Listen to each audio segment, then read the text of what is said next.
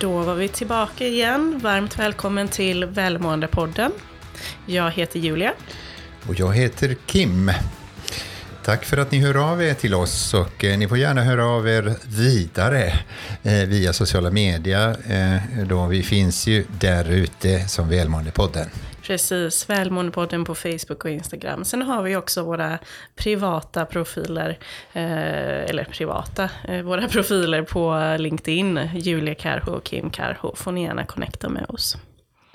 Och det är roligt att träffa och möta människor då som har lyssnat på våra avsnitt. Senast igår när jag var i Linköping så, så träffade jag någon i ett sammanhang där jag föreläste och som hade precis berättat och hade lite eh, tankar och goda eh, hejarop ifrån vårt avsnitt när vi pratade om negativitet. Ja, negativitet är ju faktiskt någonting som många blir förvånade över att det, det kan ju faktiskt vara värdefullt och det finns mycket att hämta där. Eh, och det här med att eh, eh, se saker från nya perspektiv.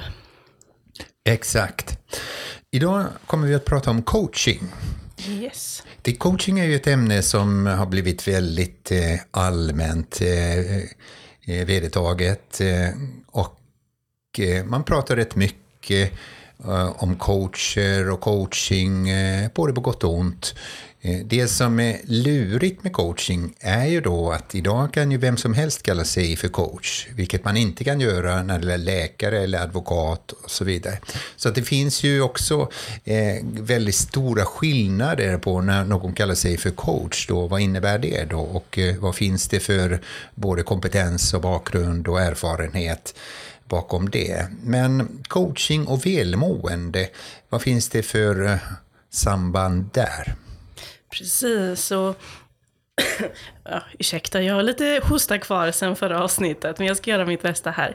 Nej men coaching och välmående, det är ju eh, eller rättare sagt så här, coaching kan ju hjälpa dig att eh, reflektera över vad du mår bra utav och vad du vill i livet och eh, vad som är viktigt för dig. Och bara den reflektionsstunden eh, kan ju stärka ditt välmående för att du kommer till insikter om vad du behöver.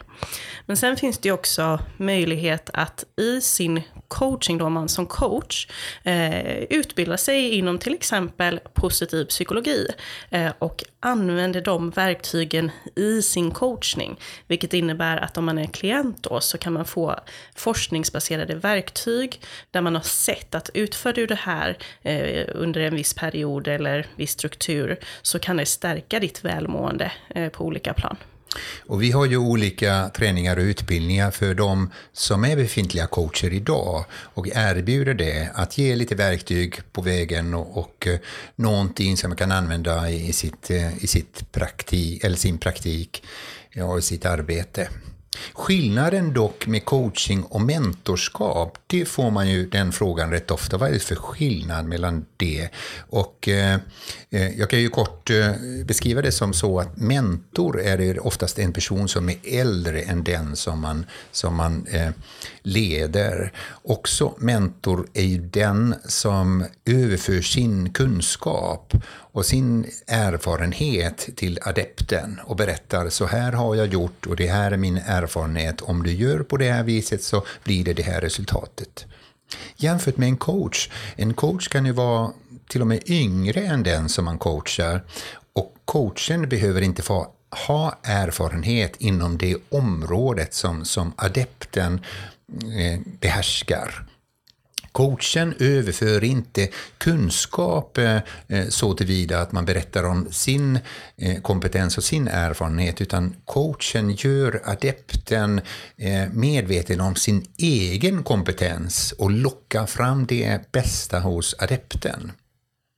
Verkligen, och det här med ålder är ju någonting som jag eh, har erfarenhet utav. Eh, för när jag var färdigutbildad eh, psykologisk coach från Högskolan i Skövde så började jag jobba i ett forskningsprojekt. Där jag Eh, coachade medarbetare inom vården. Eh, och eh, alla medarbetarna var ju äldre än mig. Flera som var över 20 år äldre än mig. Och men det var ju inget som störde mig, för det var ju coaching jag skulle utföra. Jag skulle inte vara där och berätta för dem om hur saker och ting fungerar i deras verksamhet, för det är ju det de har koll på.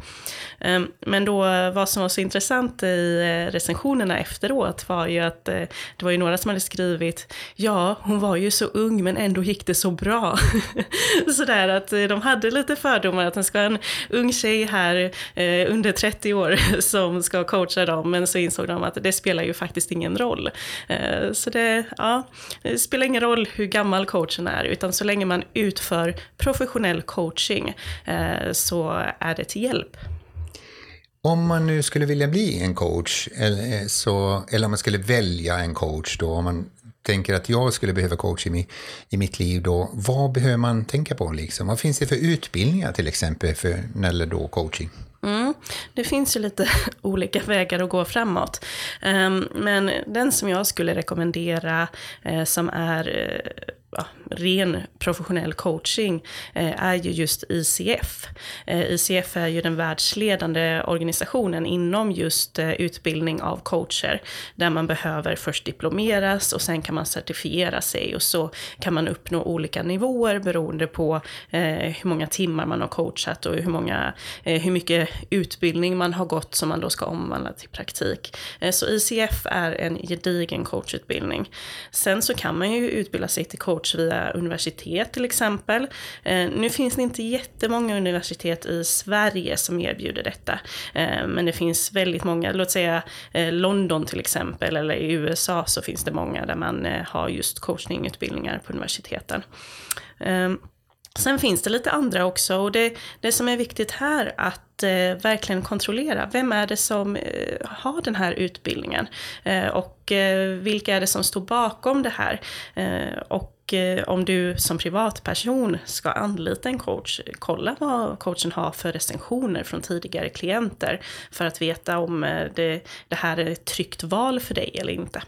Och det är väldigt viktigt. Jag fick den frågan en gång när jag föreläste i, universitetet. Och man fick en, jag fick en fråga om utbildningar i coaching.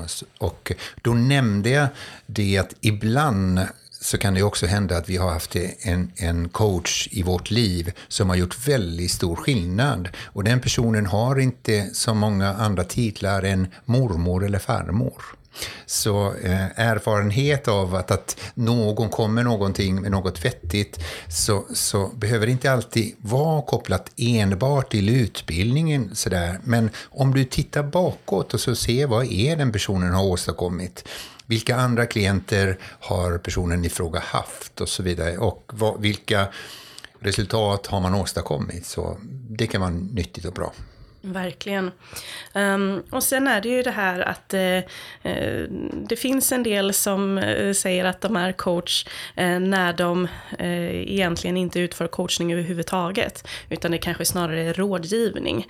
och det är också bra att rådgivning är inte heller kopplat till coaching. för rådgivning då, då kan det vara så lite mentoraktigt att man har en viss erfarenhet och rådgiver inom hur hade jag gjort. Men coachning, vad som är så fantastiskt med coachning coaching det är ju att man ställer frågor till eh, klienten och eh, klienten får möjlighet att verkligen reflektera över vad, vad är det som är viktigt för mig, vad är det jag vill och utifrån mina erfarenheter, hur kan jag ta steg framåt? Sen kan det vara lite skillnad på Eh, coachning till vuxna eller om man coachar unga. Eh, för unga personer har kanske inte eh, en stor ryggsäck med erfarenheter som kanske en 40 eller 50-åring har. Vilket innebär att då behöver coachen också ha möjlighet att kunna ge lite alternativ. Så låt säga att det är en ung person som kämpar med någonting. Det kan vara att man har gått igenom sin första uppbrott med en partner. Hur ska man navigera i alla de här känslorna och det är första gången man upplever det. Eh, men om man pratar med en 50-åring som går igenom det här så har man kanske lite erfarenheter eh, så man kan locka fram lite svar om vad som funkade eh, tidigare i livet. Men hos unga då så kan det vara så att coachen ger lite alternativ för att man ska välja den, eller testa lite olika vägar framåt. Så att coachning innebär inte bara att man ställer frågor utan det kan också vara så att man får verktyg som man ska testa på helt enkelt. Vi driver ju den här organisationen, föreningen Wake Me Up eh, som coachar ungdomar mellan 16 och 25 år eh, helt gratis, eh, unga vuxna och ungdomar.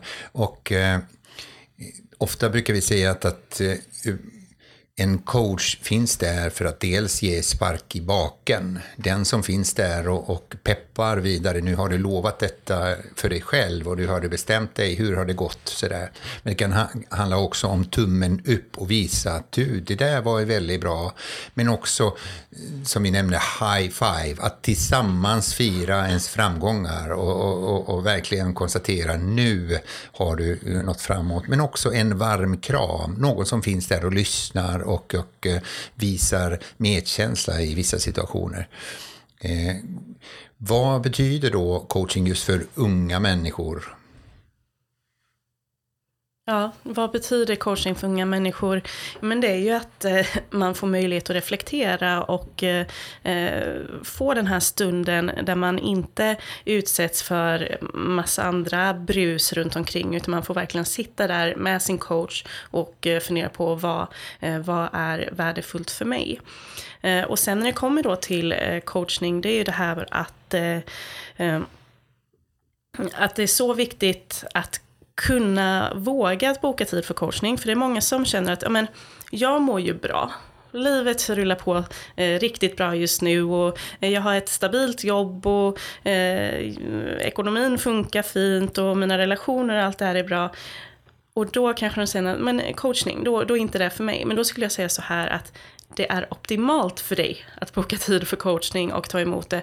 För det är ju nämligen så att när du är på toppen av ditt liv, det är då du kan utmana dig själv i högre utsträckning. Du kan eh, lära dig olika verktyg som du kan använda för Eh, jag vill inte vara negativ här, men snart så kommer du inte vara på toppen längre kanske. Eh, det kommer hända saker i ditt liv, för är, man är inte på topp hela tiden. Det kan vara saker som händer som gör att relationer går i krasch eller eh, det arbetet är jobbigt, man kanske misslyckats med någon stor uppgift till exempel. Ehm, allt går inte hela tiden framåt som man önskar. Så att när man väl möter de här motgångarna, då har man redan den här ryggsäcken med verktyg som man kan ta till för att hantera sina känslor, eh, för att peppa sig själv att ta tag i problemen eh, och inte bara eh, gräva ner sig i en grop. Liksom. Så att om du mår bra, ta chansen och eh, utveckla dig själv genom coaching. Och det är exakt detsamma inom företagsvärlden. Vi coachar ju ledare och alltifrån koncern till mellanchefer och eh, i olika situationer. Rätt ofta så får man en, en, en fråga, behöver jag coach för att allting är bra just nu? Det är så väldigt lätt att vi ställer frågan vad gjorde jag för fel, men väldigt sällan frågan vad gjorde jag rätt? Och ju mer med hjälp av en coach se vilka saker som man gör rätt så kan man boosta upp det och göra mer rätt eh, i sitt liv i olika områden. Jag brukar ofta säga så här att om vi är upptagna med det som är rätt så har vi ingen tid att göra fel. Och det är en hel del just detta att, att eh, ta en hjälp av extern person som hjälper en att boosta upp det positiva, det som ger resultat eh, och puffa dig framåt mot dina mål och drömmar. Mm. Och det är det välmående handlar om. Att eh, vi har ju sagt det tidigare, för att må bra så behöver du också kunna utmana dig själv. Eh, och det är optimalt att utmana sig själv när man mår som allra bäst.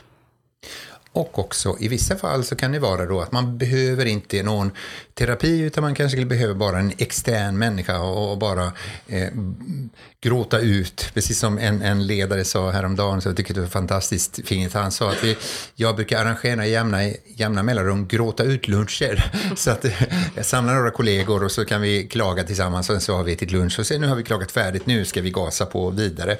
Så det kan ibland vara också coachens uppgift att finnas där som stöd och lyssna på dig då och därefter då tillsammans gasa vidare mot dina mål och drömmar och höja din nivå av välmående. Verkligen. Och där brukar jag säga skillnaden mellan tillfälligt psykiskt lidande, det kommer vi alla råka ut för. Då är coachning optimalt. Eh, men är det psykisk sjukdom, då är det såklart terapi och psykolog som man ska vända sig till. Så ta dig i hampan, eller säga, och kontakta en coach. Eller om du är en coach så kan du också gärna kontakta oss och få lite hjälp när det gäller din affärsverksamhet och din coaching. Precis, för att eh, om i år så är tanken att vi ska lansera en plattform där du får möjlighet, eh, antingen som coach eller som privatperson, att få lära dig mer om det här eh, och utvecklas och eh, se till att du eh, kan bli ditt bästa jag. Tack för att du lyssnar på oss och eh, rekommendera oss gärna för dina vänner och grannar och alla du känner. Och hör av dig till oss eh, via sociala medier och gör gärna tummen upp eh, på den plattformen du lyssnar oss igenom. Tack för att du lyssnar.